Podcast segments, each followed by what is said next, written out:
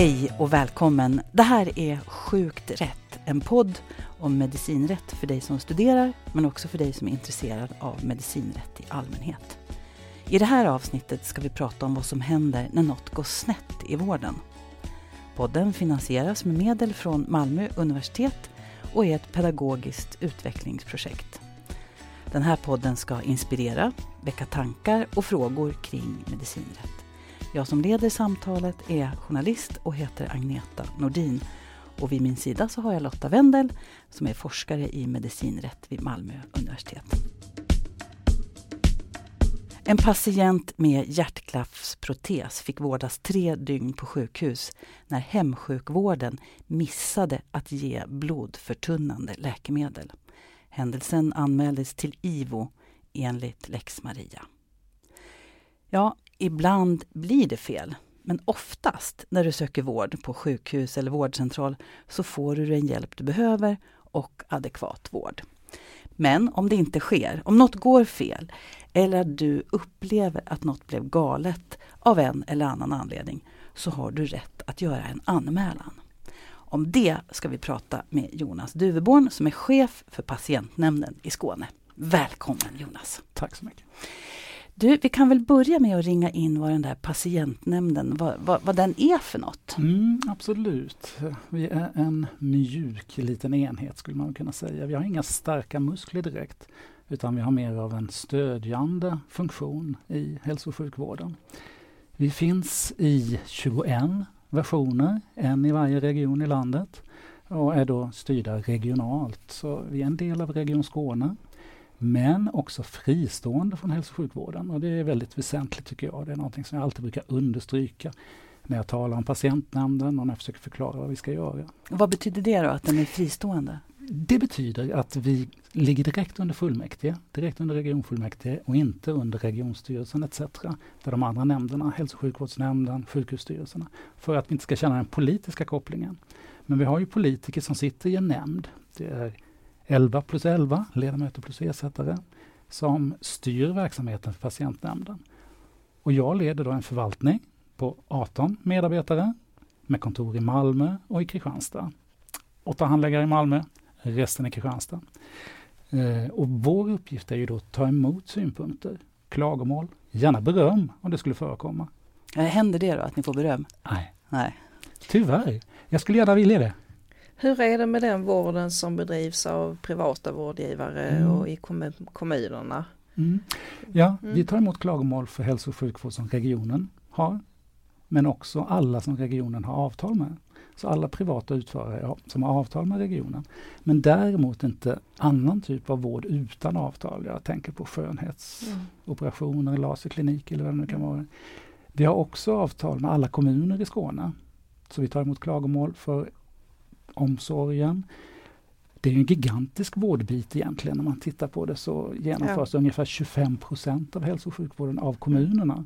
Men då är det inte bara kommunerna utan de har också privata utförare. Mm. Så där tar vi också emot klagomål för deras del. Mm.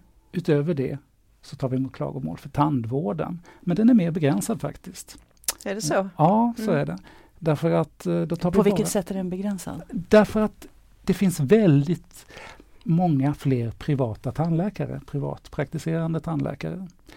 Eh, och vi tar emot klagomål från den tandvård som är finansierad helt eller delvis av regionen. Alltså folktandvården pratar vi om? Folktandvården, absolut. Mm. Sen får vi in väldigt få ärenden när det gäller tandvård och likadant när det gäller kommunerna. För de har ju också egna klagomålshanteringar. Mm. Mm. De privata utförarna har ju också egna klagomålshanteringar. Mm. Så eh, vi får en liten rännil klagomålssystemet är inte lätt. Det är ganska komplicerat mm. och när du kommer som patient, säger du varit med om en vårdskada som Maria du berättade om där i början. Vad ska du vända dig? Man kan alltid, säger jag, vända sig till oss med högsta förtroende och det hoppas jag också. Eh, därför att vi har ju, en av våra uppgifter är ju att informera om de rättigheter som patienten har för att man ska kunna ta tillvara sin rätt. Mm. Vad för något är det jag kan anmäla till, till er, då, till nämnden? Ja, det ska som sagt vara någon av de här kategorierna. Eh, och sen så... Alltså något, något som har gått galet, jag har blivit ja. felvårdad eller om jag har, om det, kan det räcka med att jag känner att, så att Lotta här nu, hon är sjuksyrra och hon har, jag uppfattar att hon inte har sett mig ordentligt mm. utan jag känner mig inte riktigt mottagen på den här mm. vårdcentralen. Och jag har inte lyssnat och jag har inte informerat dig om vad som ska hända. Nej. Nej. Kan, jag, kan jag anmäla det? Absolut. Okay. Du kan an anmäla, vi säger anmäla här, vi brukar inte säga det hos oss utan vi säger att man lämnar ett klagomål eller en synpunkt på någonting man har varit med om. En upplevelse. Och det är ju väldigt ofta så att det handlar om vård och behandling, att man inte är riktigt nöjd med den bemötande, den situationen mm. som uppstod på akutmottagningen kanske. Där man mm. blev utsorterad och inte fick vård inom den tid som man tyckte att man skulle ha. Men det handlar minst lika ofta om bemötandefrågor och bristande kommunikation. Så hur går det till då rent praktiskt? Ringer jag nämnden och säger hej hej jag är jätteledsen? Mm. Mm, det kan du, absolut. Mm. Eh, de flesta ringer till oss faktiskt fortfarande. Eh, vi har god tillgänglighet och 56 procent eller någonting sånt ringer in till oss. Men vi har andra kanaler också. Eh, man kan naturligtvis mejla. Man kan skriva ett vanligt brev. Man kan komma på besök men inte särskilt ofta. Det är inte som det inträffar utan man vill nog gärna ringa och tala med oss. Utöver detta så har vi då en e-tjänst genom 1177. Mm, jag har tittat på den, den var rätt så tydlig tyckte jag. Det stod rätt så tydligt vad man behövde skriva för att ni skulle ha några uppgifter att gå på. Alltså det är ett mm. särskilt formulär då som jag fyller ja, i och berättar vad som har hänt och så vidare. Mm. Mm. Vi har en särskild blankett som man kan använda och skicka in eh, fysiskt och det är ungefär samma uppgifter som ligger i den här e-tjänsten. Mm. Då vill vi veta vem det handlar om naturligtvis, personuppgifter. Vi vill veta vilken verksamhet som man har varit i kontakt med, vilken klinik. Vi vill veta när det hände, vi vill veta vad som händer och, och gärna också om man har något förslag på någon förbättring. Mm. Kan jag skicka in bilder och sånt också? Om det är så att, så att kolla här hur det ser ut. Vi är en offentlig myndighet, vi kan inte hindra någon från att skicka in någonting höll jag på att säga. så är det ju. Mm. Men, och det händer men men det är inte riktigt det som är grejen, utan jag gör en anmälan och talar om vad som har hänt. Ja. Mm. Vad händer sen då? Mm. Hur hanterar ni mm. mitt mm. klagomål? Ja, en av mina handläggare då bedöm, gör en bedömning. De har, nästan alla av dem har en bakgrund inom hälso och sjukvården. De är sjuksköterskor, tandhygienister. Eh, och har koll på läget och vet vad som gäller och kan oftast hjälpa till. Och Vi ser ju då att i ungefär hälften av de fallen där någon hör av sig, så kan ett samtal direkt med patientnämnden hjälpa. För då kan man få en förklaring. För vad är det man vill när man kontaktar oss? Man vill bli lyssnad ja, på. Man vill bli lyssnad mm. på. Ja, man, eller få upprättelse. Precis, mm. mm definitivt. Mm. En förklaring, mm. en ursäkt, mm. inte minst. Men sen är det också väldigt många som vill att det här ska aldrig få hända någon annan. Det jag har varit med om. Och då lyssnar ju min handläggare nogsamt, mina handläggare och noterar detta. Och så gör man då en bedömning. Kanske kan man hjälpa direkt. Man vet varför det blev som det blev. Det beror på att vi har ett vårdval kanske, eller vad det nu kan vara. Eh, eller så är det någonting som behöver redas ut och då tar min handläggare kontakt med vårdgivaren. För det är alltid vårdgivaren som har ansvar för vården. Vår roll är som sagt bara att vara den förmedlande länken. Så vi tar kontakt med vårdgivaren och berättar om vad som har hänt och, och sådär med samtycke naturligtvis från den klagande. Eh, och så kanske vi kan reda ut det här, den fnurran på tråden som har uppstått. Och förhoppningsvis så är då patienten nöjd med det. Mm.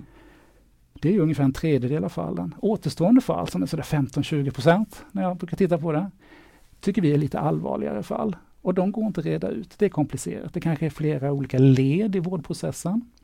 Den som kommer till oss är ju nämligen eller som det brukar heta, det vet säkert du, att eh, det är bara patienten som har hela bilden av vården. Mm. Det är bara patienten som ser hela vårdkedjan. Mm. Sen ser vårdgivarna olika delar av den.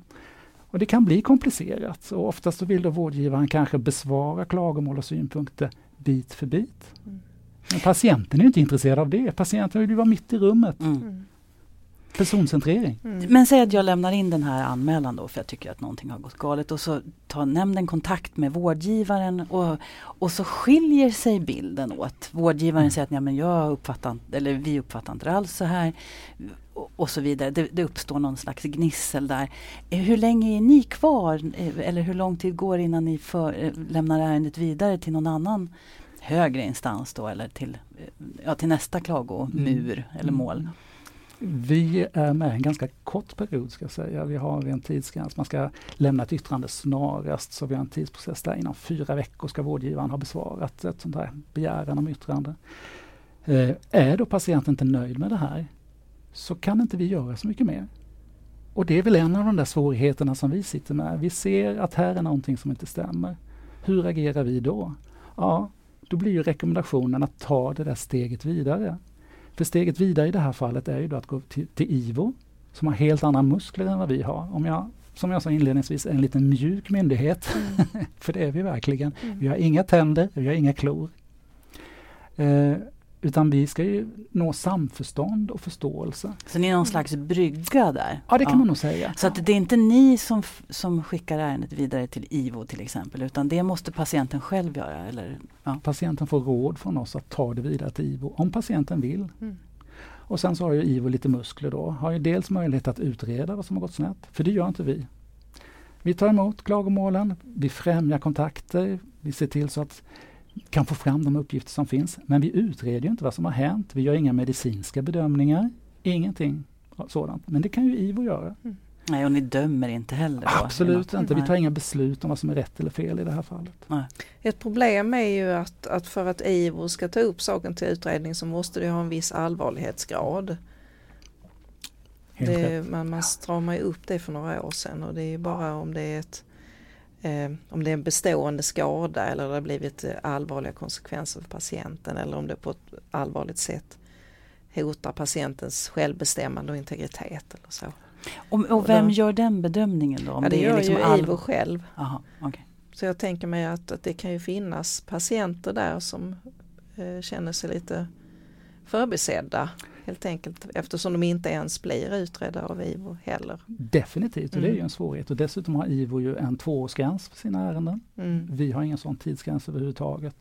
Och då kan ju någon bli besviken över vad som har hänt. Däremot så kan man ju vända sig till andra instanser. Om nu IVO faller ur, att det inte är av den omfattningen, så kan man om man har drabbats av en vårdskada, en konstaterad sådan, så kan man vända sig till LÖF. Alltså, Vad är det för något? Det är regionernas ömsesidiga försäkringsbolag. Mm.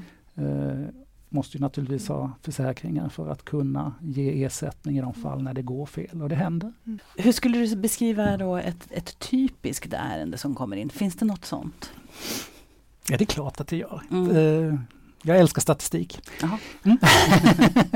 och det är klart, om jag tittar på ett typiskt ärende då är det Astrid, sådär 35 år, bosatt i någonstans i sydvästra Skåne. Som har fått sin vård på Skånes universitetssjukhus varför inte på någon kvinnoklinik? Eh, hon eh, är inte riktigt nöjd med eh, den vård eller behandling hon har fått. Eller så handlar det kanske om en delaktighetsfråga, en kommunikationsbemötandefråga. Mm, det är nog ganska så typisk patient hos oss som kommer mm. till oss. Sen finns det naturligtvis från all walks of life om man säger så. Vi har både äldre och yngre och, och män och kvinnor. Men kvinnor klagar mest.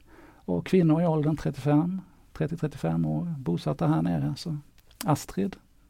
Och jag hade gissat på ett helt annat segment. Mm, det hade jag också. men, men är inte kvinnor, söker inte kvinnor eh, vård i större utsträckning än män också? Så är det, ja. och säger ifrån oftare. Mm.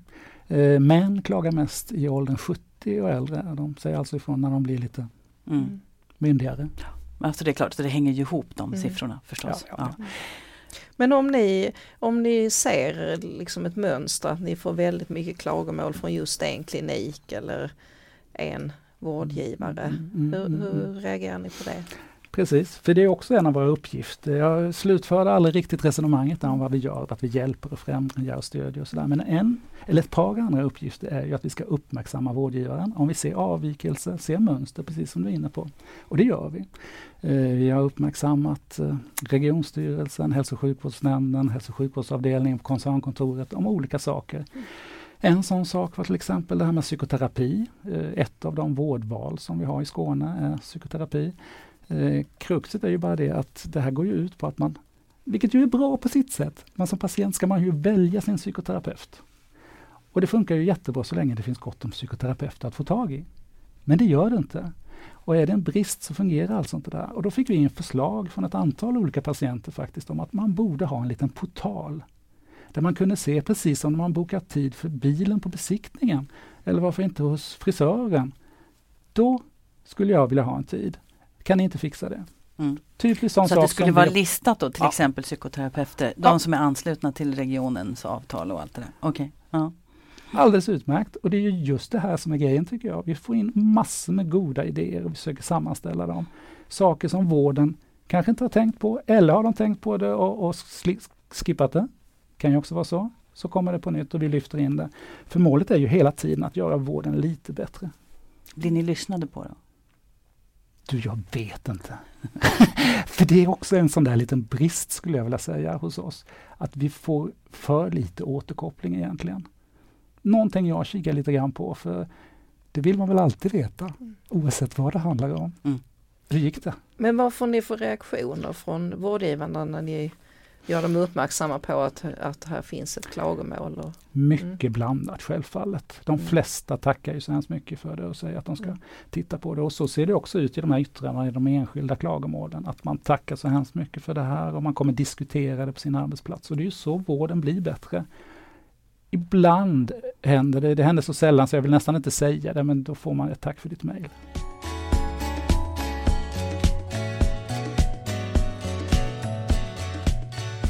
Du lyssnar på Sjukt rätt, podden om medicinrätt. I det här avsnittet om när något går fel i vården. Och gäst är Jonas Duveborn som är chef för patientnämnden i Skåne. Men du Jonas, ehm, hur goda möjligheter har patienten då att komma till tals i hälso och sjukvården skulle du säga? Förutsättningarna finns. Eh, vi har också jobbat en hel del eh, med att ha dialoger med politiskt ansvariga styrelser och nämnder. Det finns ju olika sjukhusstyrelser i Skåne, psykiatrinämnd, hälso och sjukvårdsnämnd, primärvårdsnämnd. Eh, Och så finns det olika delregionala samverkansorgan. Jag pratade tidigare om kommunerna, att vi också har tillsyn, eller inte tillsyn, utan vi tar emot klagomål och synpunkter från kommunal vård. Eh, I de här organen så sitter regionpolitiker och kommunpolitiker tillsammans med varandra och ansvariga chefer. Utmärkt organ för oss att komma till, prata om eh, synpunkter som har kommit in just i deras verksamhet eh, och kunna dryfta och se. Men jag saknar det där som jag var inne på tidigare. Vad händer sen då? Mm. Uppföljningen. Ja, Ja. Hur länge har, har det funnits patientnämnder? vi fyllde 40 år eh, 2020, men då var det pandemi så vi fick flytta för firandet. Så 40 år har man tänkt sig att det finns en poäng med att patienter har möjlighet att och, och klaga då? Eller? Ja. Ja. Det infördes som en försöksverksamhet 1980. eh, Mm. Förtroendenämnder kallades det för då. Eh, och Var det sen- på förekommen anledning? Känner du till det? Eller? Alltså just vid den tiden så var det en väldigt intensiv diskussion om patientens rättigheter så det var säkert ett led i det att man ville stärka patientens ställning. Det kom ju eh, kom flera nya lagar vid samma tidpunkt som skulle lyfta patienten och eh, förbättra och modernisera tillsynen. Mm. Mm. Nu har ju du varit eh, ansvarig eller chef för, för nämnden i några år. Vad skulle du säga att eh, nämnden har för utmaningar? Ja. Vi gjorde faktiskt en liten undersökning här i våras. Eh, Region Skåne har någonting som heter Skånepanelen. Vad är det för något? Det är en webbenkät. 4600 svarande hade vi i den här undersökningen. Som går ut till... Man får anmäla sig till den här enkäten. Och sen så, men i och med att det är så många svarande så tycker vi att eh, det täcker väl in. Det är olika åldrar, det är alla kommuner i Skåne, det är olika yrkesbakgrund, studenter, pensionärer och yrkesverksamma. Så vi tycker att det är ett bra verktyg för att nå ut och regionen måste ju vara lyhörd och så har vi då några på koncernkontoret som sköter den där. Och även om vi är fristående från koncernkontoret så kan vi använda vissa verktyg som det här. Eh, Vi tyckte att vi måste ställa frågan till skåningarna. Eh, Har du någon gång varit missnöjd med din vård? Och då svarade hälften att ja, Mhm. det har jag. Och då frågade vi då, valde du då att lämna in en synpunkt eller ett klagomål? Och det gjorde 26 procent. En fjärdedel. Men beror det på att de inte vet om att, att, de inte, att patientnämnden finns eller att, att de har möjligheter att göra det här? Precis, vi ställde Mm. den frågan Mm, också. Okej. Om du inte klagade, vad berodde det på? Jag tänkte att det inte kommer göra någon skillnad. Svarade Mhm. hälften. Usch, det är deppigt, uppgivet. Fruktansvärt. Jag blir ju upprörd. Mm. Väldigt upprörd när jag hör Mm. en sån tanke. Och, Mm. och så ska det verkligen inte. Men vet du vad jag blir ännu mer upprörd över Nej. av de här svarsalternativen som vi hade? Det är att 10 en av 10 svarade att jag vågar inte eftersom jag är beroende av vården. Mm. Ja, det är deprimerande. Det är ju väldigt sorgligt. Och jag, ja, Och där finns ju verkligen någonting att dra i både för oss Mm. och gå ut med mer information om vad vi kan göra och vad vi bidrar med. Man kan vända sig till patientnämnden och vara anonym. Det kan man ju inte göra om man vänder sig direkt till vårdgivaren för man har ju den möjligheten också att klaga direkt till vården. Eh, Men hos oss försöker vi skydda. Sen så är det klart att om du kommer och klagar och är anonym så väger kanske inte dina skäl li- riktigt lika tungt. Nej. Det kan jag ju förstå också. nej, självklart. Men, mm. Men jag tänker att nu, alltså vården, eh, sjukvården i, i allmänhet och den skånska vården är ju på tapeten hela tiden nu. Alltså det är ju rubriker nästan varen, varenda dag om eh, bemanningsproblem och vi hör om över, eh, överbeläggningar och folk som inte får vård i tid. Och så. Ja. Jag tänker att det vore Väntetiderna är ju Väntetiderna helt, är helt galet långa. Jag tänker att det vore ett ypperligt tillfälle för patientnämnden att, marknadsföra sig då som att okej, men vi finns för er. Eh, tips. Tack, jag tar det. Mm. ja. Jag håller med. Nej, men jag tänker att det måste ju vara ett bekymmer, inte, inte för er så mycket som för sjuk, den sjukvårdande personalen naturligtvis, att det ser ut som det gör. Och, och jag vet ju också, även om, om jag kan tycka att vi får in för många ärenden. Två ärenden hade varit för många, till och med ett ärende hade kanske varit för många. Men vi får in ungefär 6000 ärenden på ett år. Och, och det tycker jag är ganska så, ja, vad ska det verkligen behöva vara på det här sättet? Mm. Eh, vi har ju ändå en sjukvård i världsklass, Mm. brukar det heta. Eh, och jag personligen och även det jag upplever i min profession är ju att de flesta får en fantastiskt fin vård. Mm. Det måste När man säga. väl får vård då. Precis. Mm. Men i 99,9 procent av fallen så blir det Mm. jättebra på alla sätt och vis. Gott bemötande, bra behandling, delaktighet. Alla de här bestämmelserna enligt patientlagen som ska finnas med på Mm. banan finns oftast med. Men kruxet är just det där med väntetiderna. Mm. Mm. Vad är svårigheterna då för nämnden skulle du säga? Ja, det, då har du radat upp en hel, en hel massa förstås, men, men om du fick... Jag är inte så negativ. Nej. Men säg, Men- säg vad, vad, är, vad är möjligheterna då? Nej, men jag tror att vi skulle kunna bidra ännu mycket mer än vad vi gör. Jag vill att vi ska vara relevanta. Och det måste vi bli genom att göra väl genomarbetade analyser av det material vi får in. Vår uppgift är inte att säga till vården, peka med hela handen så här, nu ska ni göra si och nu ska ni göra så. Men däremot så kan vi väcka tankar.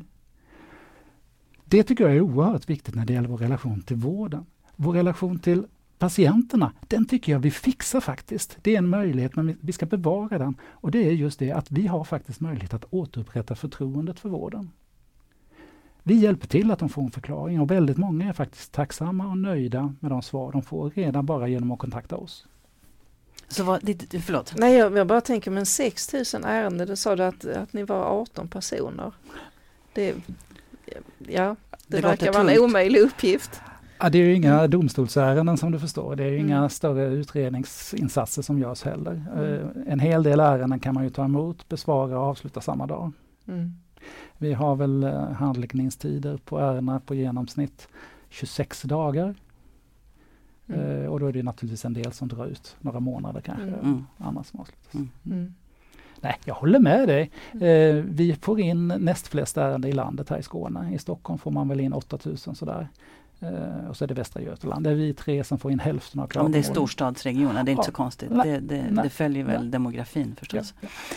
Men ni ska också veta att eh, vi ser ju inte klagomålen som går direkt till vården. De sammanställs i och för sig i de här patientsäkerhetsberättelserna som Mm. förvaltningarna gör. Mm. Eh, Och jag har naturligtvis, eftersom jag ju älskar statistik, summerat det här och kom fram till att om vi fick in 6000 ärenden förra året så fick Region Skånes förvaltningar in 22 000 avvikelser som de kallar det för, patientavvikelser. Aha. Så där ingår ju både självrapporterade och Mm. Och ärenden Och anmälda som och allt möjligt Mm. ingår i det Mm. där. Så. Mm. Men i den här eh, enkäten som vi gjorde, Skånepanelen, så framgick det också att sju av tio hade vänt sig direkt till sin vårdgivare. Tre av tio vände sig till oss. Vad är drömscenariot om man tittar på om man skulle förbättra nämnden? Eh, vad, vad, skulle du önska dig för, för eh, framtiden? Oj, Ja, en fråga jag inte riktigt hade förberett, drömscenariot. Men om vi, om vi väntar med den så mm. kanske du kan berätta lite, för ni håller väl också på med stödpersoner? Stämmer, stämmer. Ja. Eh, det är ju en liten del av vår verksamhet men som ändå tar ganska mycket kraft. Eh, person, Vad går det ut på? Personer som tvångsvårdas inom rättspsykiatrin eller psykiatrisk vård eller inom smittskyddslagen någon typ av tvångsvård har rätt att få en stödperson förordnad för sig. Så det ska då vården upplysa om och så får vi uppdraget att eh, rekrytera, utbilda och förordna de här.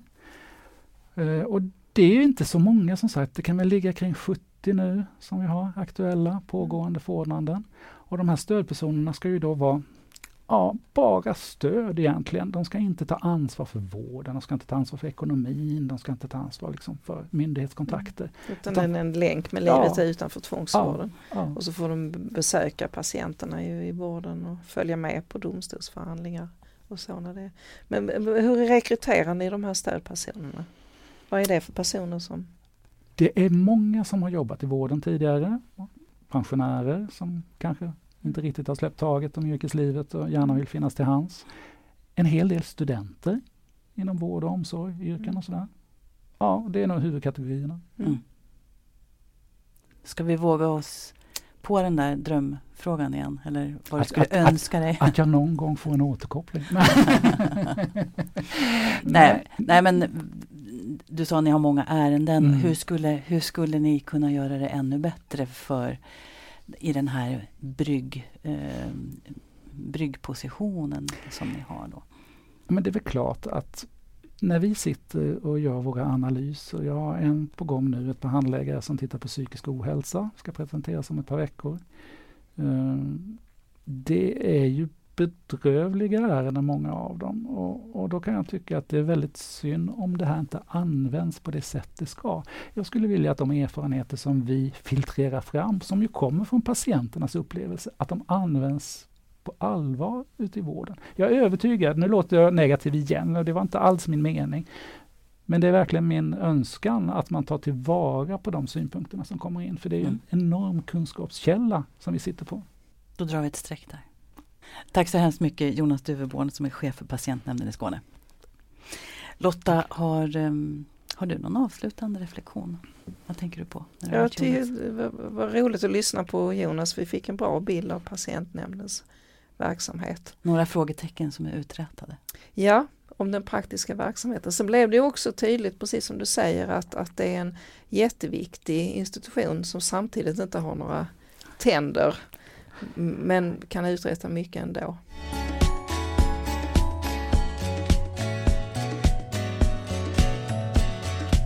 Sjukt rätt produceras med medel från Malmö universitet för pedagogisk utveckling och kollaborativt lärande.